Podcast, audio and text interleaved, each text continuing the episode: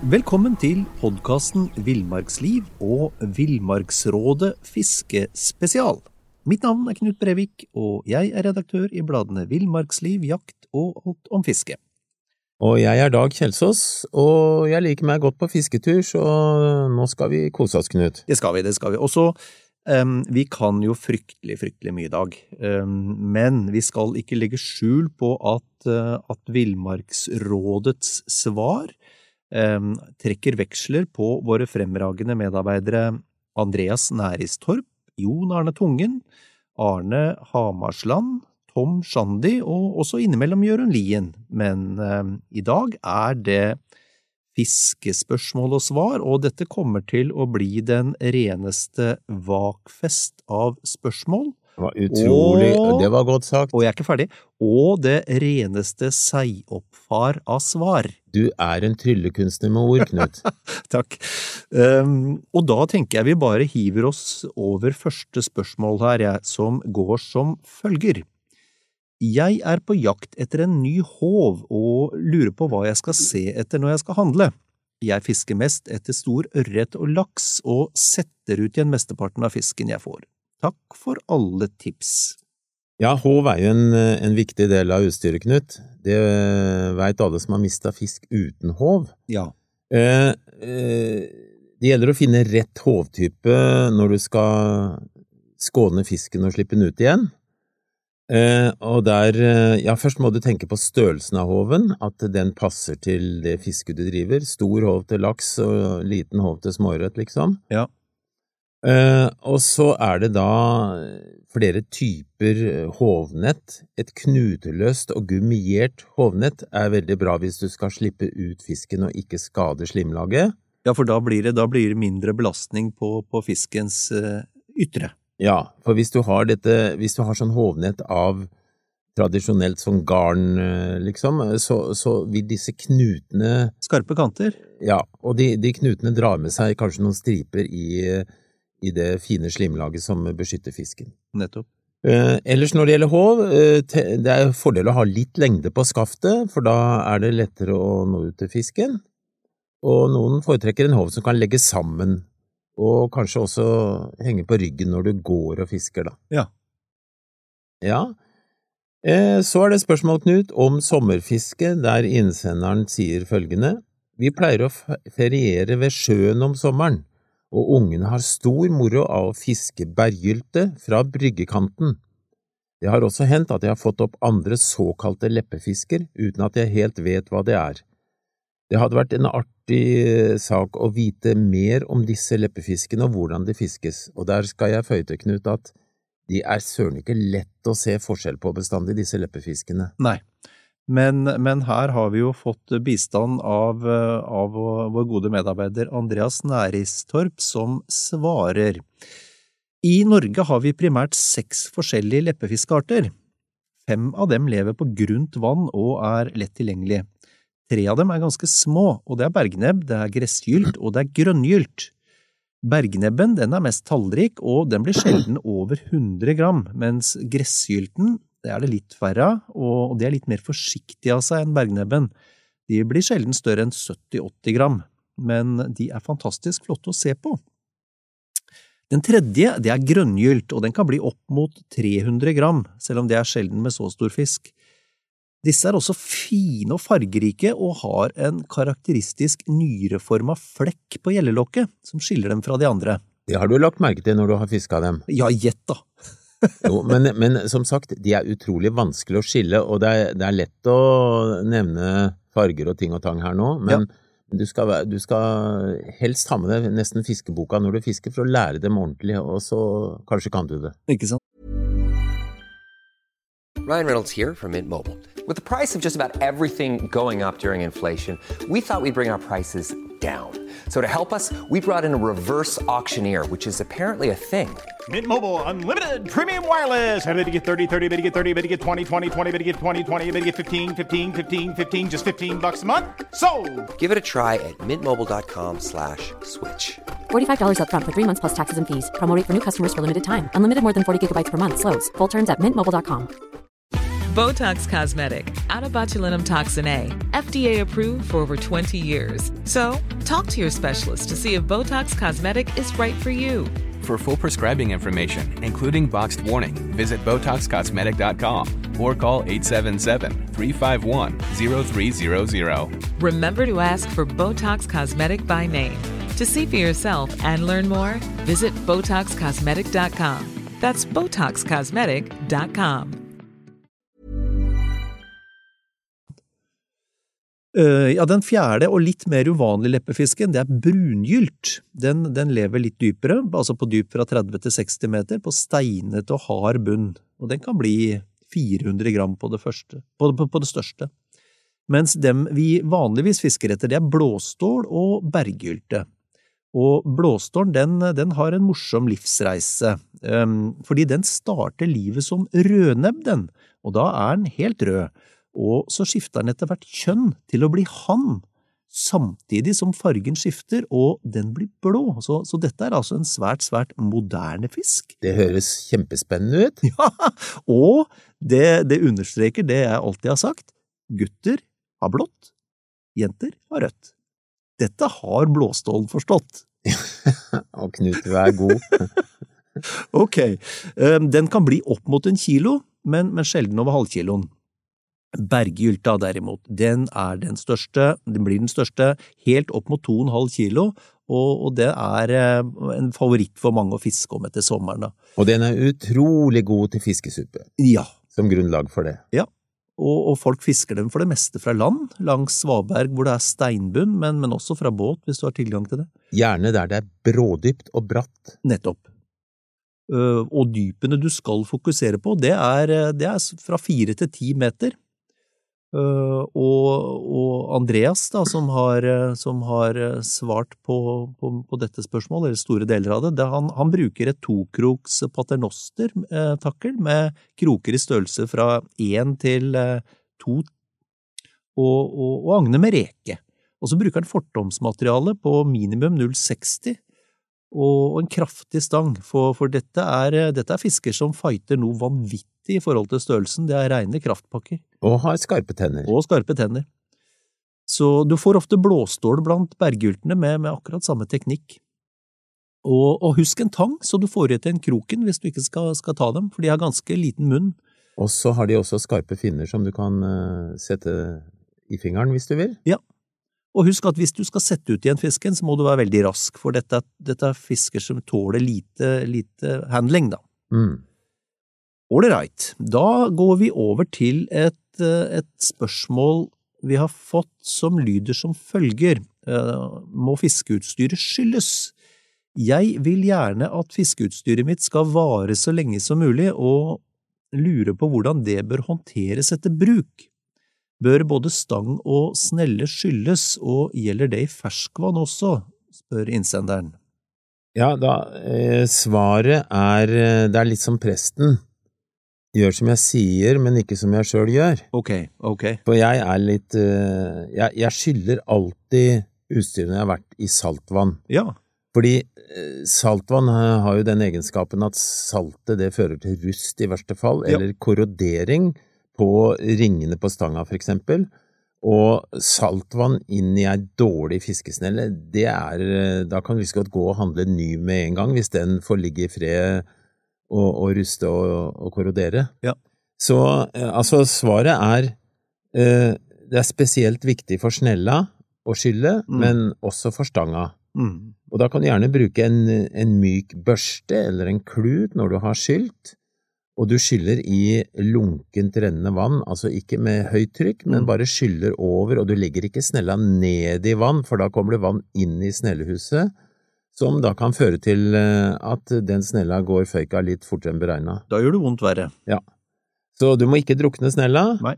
men som sagt, eh, tørke av salt og gjøre dette helst med en gang du kommer fra saltvann særlig, men gjerne også som en rutine når du kommer hjem fra fisketur i ferskvann. Mm, mm. Over til noe annet, Knut. Ja. Horngjell. Horngjell er gøy, da. Det er en som lurer på følgende. Horngjell er en artig fisk jeg har lyst til å prøve meg på til sommeren. Jeg regner med at han skal prøve å fiske den, ikke å slåss. Ja, Hvordan fisker man etter horngjell? Kan den spises? Og grunnen til at jeg sa slåss, det er at den har et spyd foran som er veldig skarpt. Altså en forlengelse av et nebb, kan du si, i overmunnen. du, altså en god, god leveregel syns jeg du tøyser ikke med noe som har spyd. Nei. Nei. Eh, ok, hvis, hvis du ikke har fiska etter horngjell, så har du virkelig gått glipp av noe gøy. Eh, teknikken den er veldig enkel. Kjøp deg en litt stor dupp, som du har en, en halvmeter til en meter fortom under, og en liten langskafta krok i størrelse fire eller seks. Kroken agner du med en liten bit makrell, eller du kan bruke en rekehale. Fordi horngjelden den liker seg gjerne i områder hvor det er en del strøm, da, da byttefisk ofte samler seg på, på som vi vet, på plasser med, med strøm. Så gode horngjellplasser det er ofte områder hvor det er grunt nær vann og brådypt litt på utsida, eller på utsida av svaberg. Og hvis du får napp, så venter du til duppen fyker av gårde til du kroker, altså ikke, ikke gi tilslag for tidlig. Du vet grunnen til det er jo at den har det lange nebbet, og hvis den litt utpå nebbet holder i kroken, Nettopp. og du napper til, så får du kanskje tak i nebbet, men høyst sannsynlig så napper du bare kroken vekk. Hvis eh, horngjellen får svømme av gårde, så dras kroken inn mot munnen, Nettopp. og så sitter den. Bedre krokings… ja. Og det er jo som du sier, horngjellen bruker ofte litt tid på å sluke agnet. Øh, Og, og horngjellen kan fint spises, men det er mange som syns smaken er ganske stram. Hva syns du, Dag? Eh, jeg syns det morsomste er at den blir grønn når du kok Ja. koker den. Ja. Men eh, nei, horngjell er, er middels grei matfisk. Den er fin å blande i fiskesuppe, forresten. Ok. Eh, og så skal vi også nevne at du, du får ofte en horngjell innimellom når du fisker etter makrell. Mm. Og du kan også få den på sluk, men det, det forslaget her er veldig bra. Ja, ja. Og så er det jo så de, de fleste bruker den vel primært til agn. Ja, den kan absolutt brukes til det òg. Ja, ja. Ålreit. Ehm, Selv om dette er Villmarksrådets eh, fiskespesial, og vi er i den varme årstida akkurat nå, så er det ingen grunn til, å, til, til ikke å svare på, på litt kaldere spørsmål, og her har vi fått et spørsmål som lyder som følger gamle eller nye pilkehull. På en isfisketur nylig diskuterte en kompis og jeg om det er best å lage nye hull, eller om de gamle fungerer like bra. Dette er en klassiker, Dag. Um, vi fisker, vi fisker abbor og gjedde, eller vi fisket abbor og gjedde og ble enige om at jeg skulle fiske i nybora hull, mens kompisen skulle fiske i gamle. Han fisket i gårs gårsdagens hull, som ble slått opp med støvelhæren, og etter hvert i mine gamle hull fra samme dag. Resultatet etter en dag på isen var at det var jeg som fisket i nye hull, som fikk mest fisk. Viser det at abboren tiltrekkes av boringen? ja til, nå skal vi først si at dette er veldig lite statistisk holdbart. ja, det er sant, det er sant. Men, men jeg tror faktisk at uh, spørsmålsstilleren har et poeng, fordi det er jo sånn at uh, særlig abbor tidlig i sesongen, den flytter seg nesten ikke, den står rolig på bånn, ofte én eller to eh, sammen.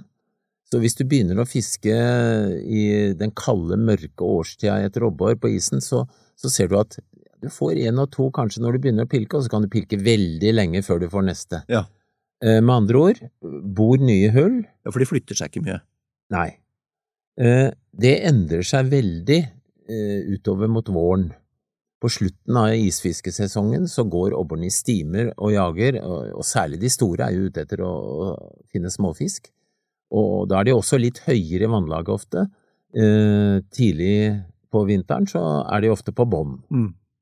Så eh, svaret er nok, i hvert fall når det gjelder obbor, at det lønner seg å bore nye hull. Mm. Mm. Og øh, det er jo sånn at øh, holder seg kanskje i ett område. Hvis ingen har vært der og fiska og forstyrra, så er det større sjanse til å finne fisken enn om det er mange som har bora. Og på isfiskekonkurranser så ser vi jo hva som skjer. De, de proffe storfiskerne de borer jo så det suser etter hele tida og leiter og leiter etter uh, ny fisk. Mm. Mm.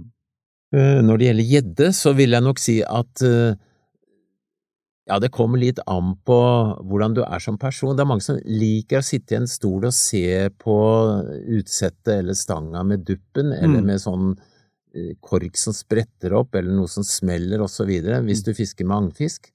Og der kan det godt sitte en time, og plutselig så biter det. Ja. Da kommer gjedda- sigende sakte i vannet, da. Så på gjedde så er ikke jeg så opptatt av å bore masse hull som jeg vil være når jeg fisker abbor. Nei.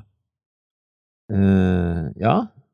Jo, han spør, han spør jo litt om det her med om det har noe for seg at den, altså, om abboren tiltrekkes av boringa, altså selve lyden eh, boret boret lager isen.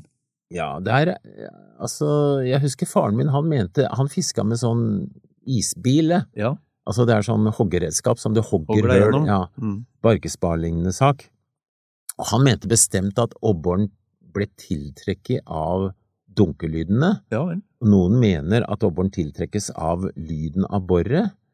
Eh, jeg tror ikke egentlig at det er noen, eh, noe sikkert svar å gi på det, fordi det er ikke sånn at det er tydelig at abboren verken skremmes eller tiltrekkes. Nei. Så jeg vil ikke tenke veldig mye på det problemet der, eller hvis det er noe problem. Nei, nei. Nei, fordi abboren fremstår ikke som en fisk med noe sånn rikt, spesielt rikt sjelsliv, at den er veldig, veldig nysgjerrig og søkende mot nye opplevelser. Ja, nei, jeg eh, legg filosofien til side og tenk på en, en kald eh, art som står og sturer, i hvert fall på forvinteren. Og jeg tror ikke han tenker mye, Knut. Nei, nei, nei. Eh, Vi går over til noe annet, vi, som heter eh, et spørsmål som lyder som så. I sommer fisket vi etter ørret i et vann i Telemark. Fisken der er ikke særlig stor, men den er bitevillig, og K-faktoren er fin. Altså, K-faktor det forteller hvor feit han er, kan du si da. Det er kondisjonsfaktor, er det Ja, ikke det? ja.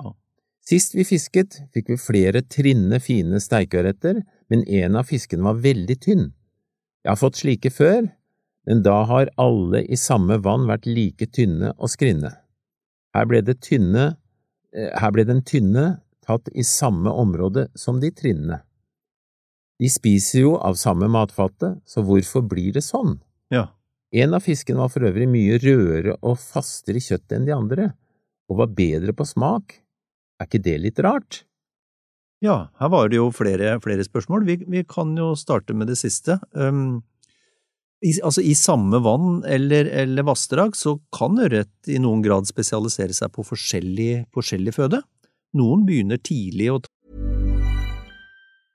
Hey, I'm Ryan Reynolds. Recently, I asked Mint Mobile's legal team if big wireless companies are allowed to raise prices due to inflation. They said yes. And then when I asked if raising prices technically violates those onerous two year contracts, they said, What the f are you talking about, you insane Hollywood ass? F- So to recap, we're cutting the price of Mint Unlimited from $30 a month to just $15 a month. Give it a try at mintmobile.com slash switch. $45 upfront for three months plus taxes and fees. Promo rate for new customers for limited time. Unlimited more than 40 gigabytes per month. Slows. Full terms at mintmobile.com. Botox Cosmetic, out of botulinum toxin A, FDA approved for over 20 years. So, talk to your specialist to see if Botox Cosmetic is right for you. For full prescribing information, including boxed warning, visit BotoxCosmetic.com or call 877-351-0300. Remember to ask for Botox Cosmetic by name. To see for yourself and learn more, visit BotoxCosmetic.com. That's BotoxCosmetic.com. ta småfisk, og det er ofte de som blir raskt store, de som raskt kommer over på å spise annen fisk. Eh, Mens andre beiter mye på, på bunn, der det er krepsdyr, og det, det er jo derfor de får den rødfargen i kjøttet som han spør om sånn avslutningsvis i spørsmålet sitt. Absolutt. Um, og, og, og mange vil jo også mene at det da blir bedre i smak. Uh, mens andre ørreter igjen spiser mer insekter, og de som spiser mest energirik føde, altså andre fisker, blir naturlig nok de feiteste. Mm.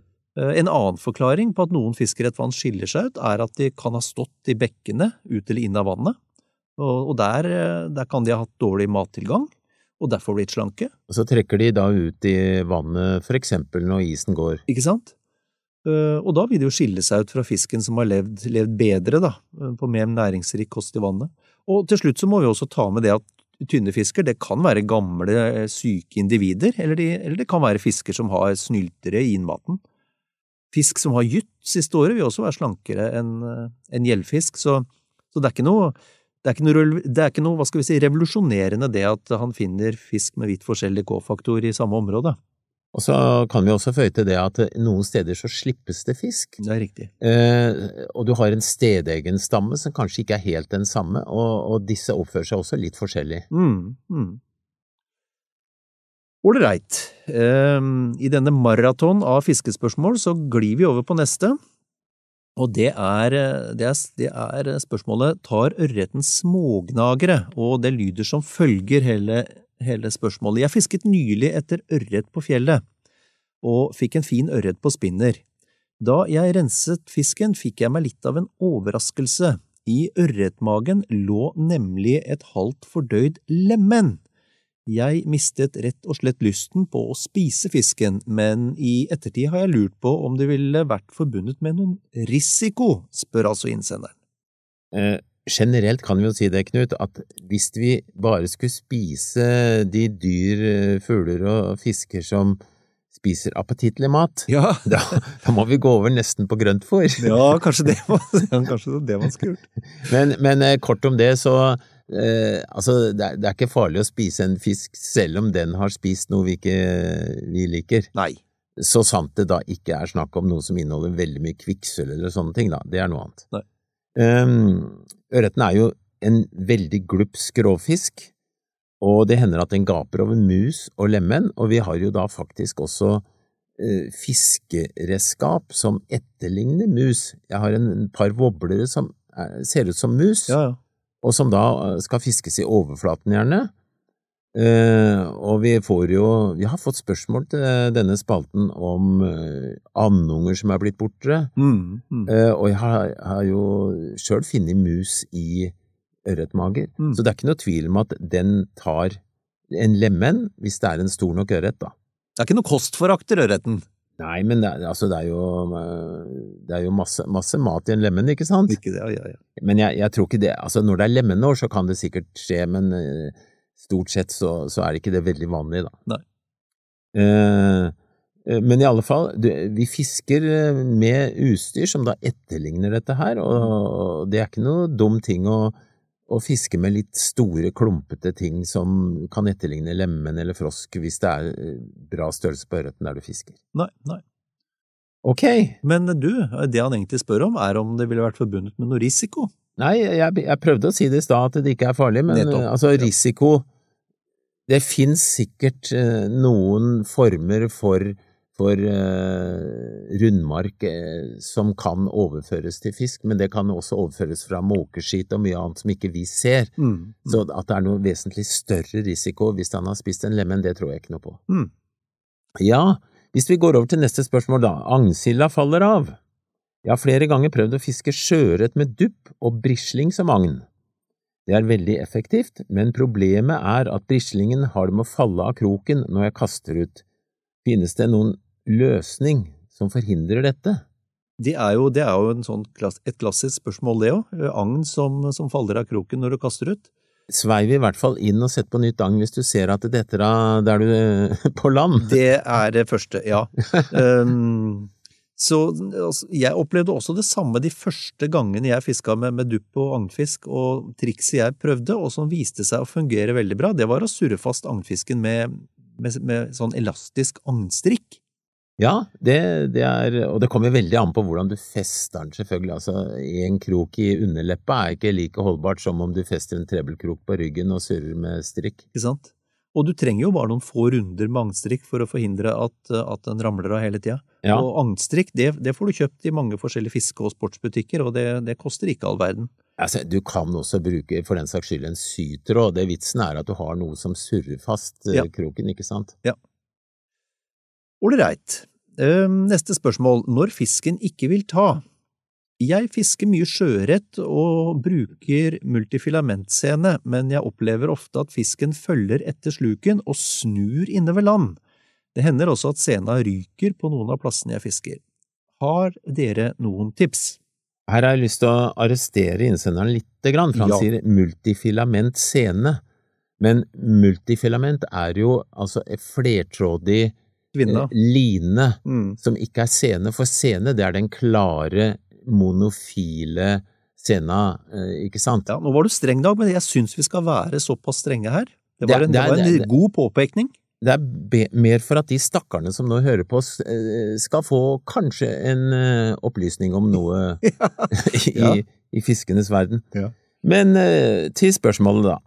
Jeg ville brukt en fortom, altså en, en, en bit med enten fluorkarbon, som ligner på sene, men som er eh, litt sterkere mot slitasje og, og biting fra fisketenner Mm. eller slitasje eh, mot steiner, da. Eh, en sånn eh, fortom på en halv til én meter cirka, okay. som knyttes da i enden på denne multilina. Ja. Eh, og det beskytter da selvfølgelig mot, eh, mot eh, alle de tingene som gjør at det kan ryke, og det ryker jo gjerne nær eh, kroken, Mm. ikke sant? Mm.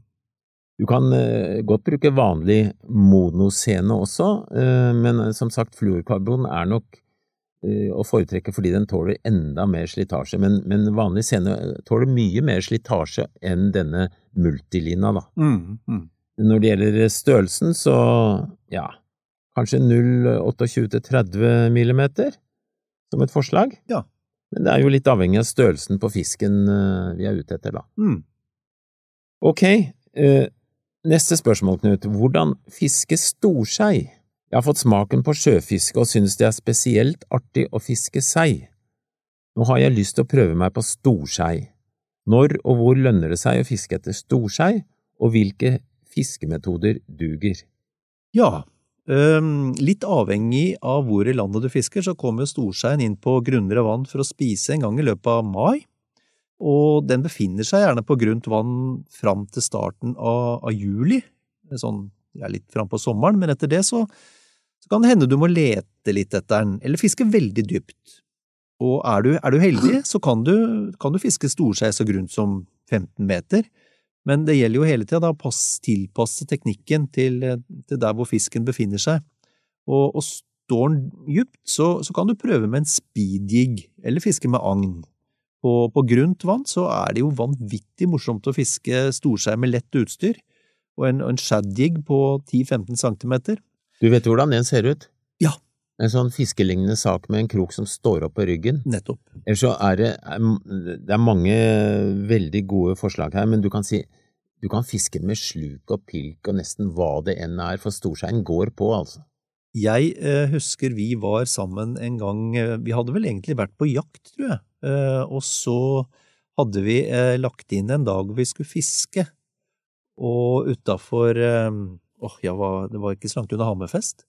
Mm. Og da eh, hadde jeg en av mine, nå er jo ikke jeg, som du vet, noe veldig, veldig dreven fisker, men da hadde jeg en av mine store opplevelser, eh, fordi da slo det på tre sei samtidig, og de var på nøyaktig syv kilo alle sammen. Det, da suste det for unge Brevik. Det, altså da, da, når de da stritter delvis i forskjellige retninger, så Ja, det står helt rolig der nede. jeg var sikker på at det var kveite. Ja. Det Og, var det ikke. og, og, og seien skal, vi må jo bare nevne at seien er en av de sterkeste, råeste fiskene vi kan oppleve. Ja, den vanvittig. Ja. Vanvittig. Så, nei, sånn avslutningsvis så kan vi vel, vi kan vel råde da til, øh, ja, altså, du får den jo på pil, pilk og opphenger også, som du var inne på, men, men har du tilgang til ekkolodd, så, så gjør det jo muligheten litt lettere med å lokalisere fisken, da.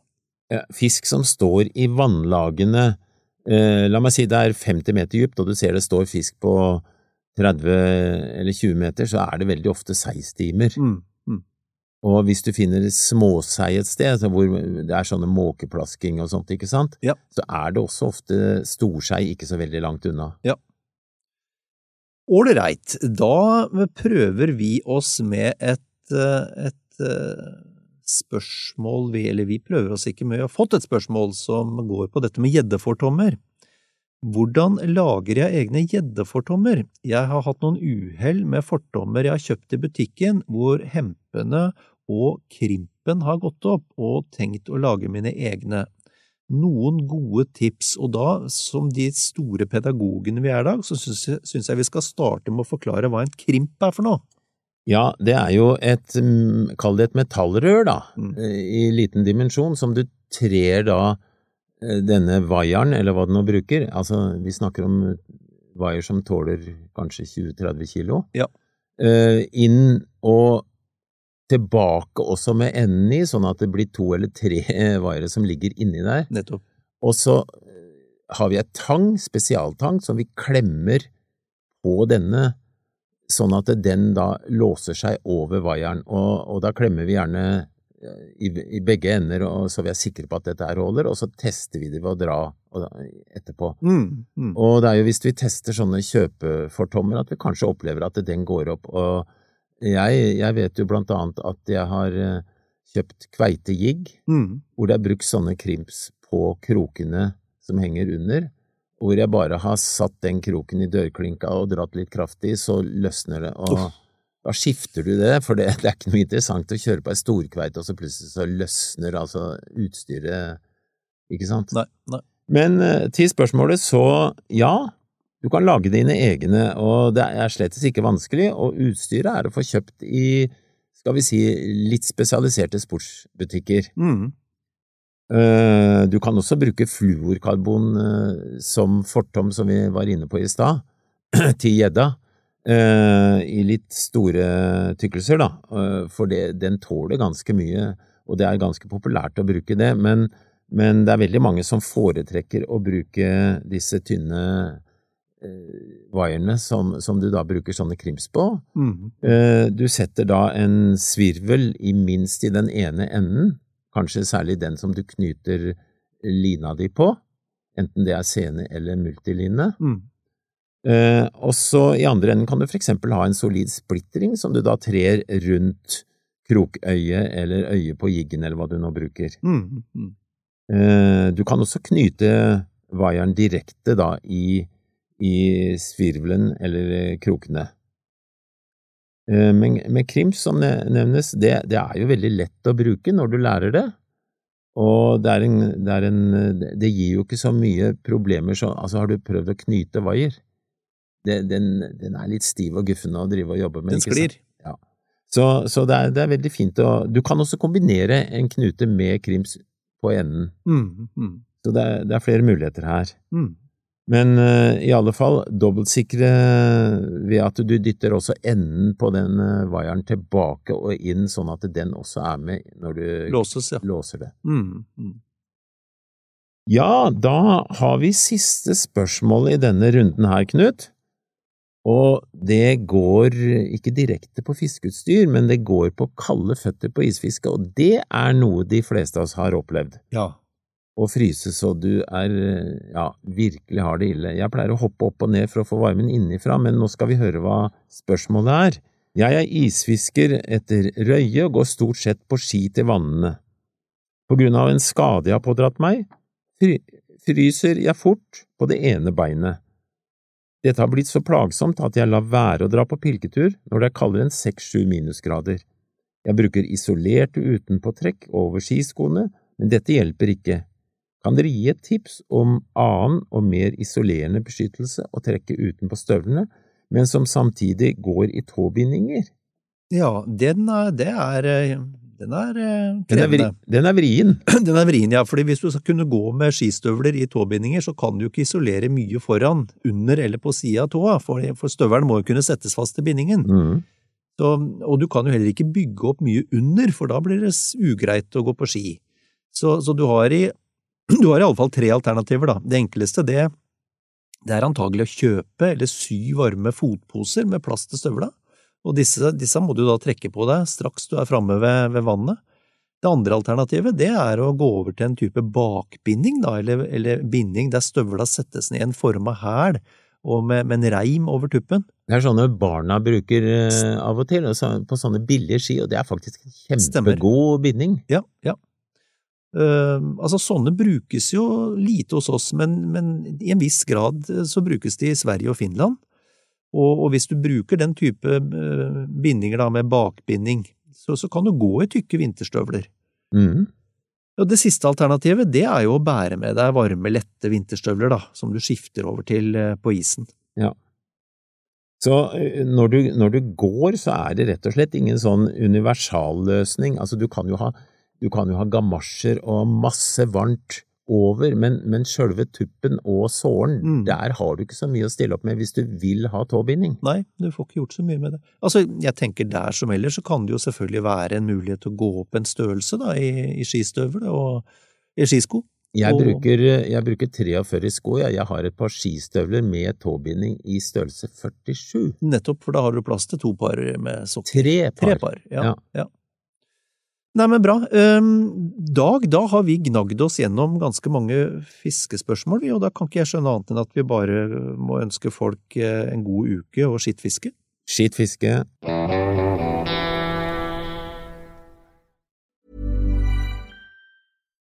Botox Cosmetic, out of botulinum toxin A, FDA approved for over 20 years. So, talk to your specialist to see if Botox Cosmetic is right for you. For full prescribing information, including boxed warning, visit BotoxCosmetic.com or call 877-351-0300. Remember to ask for Botox Cosmetic by name. To see for yourself and learn more, visit BotoxCosmetic.com. That's BotoxCosmetic.com. Before Shopify, were you wondering where are my sales at?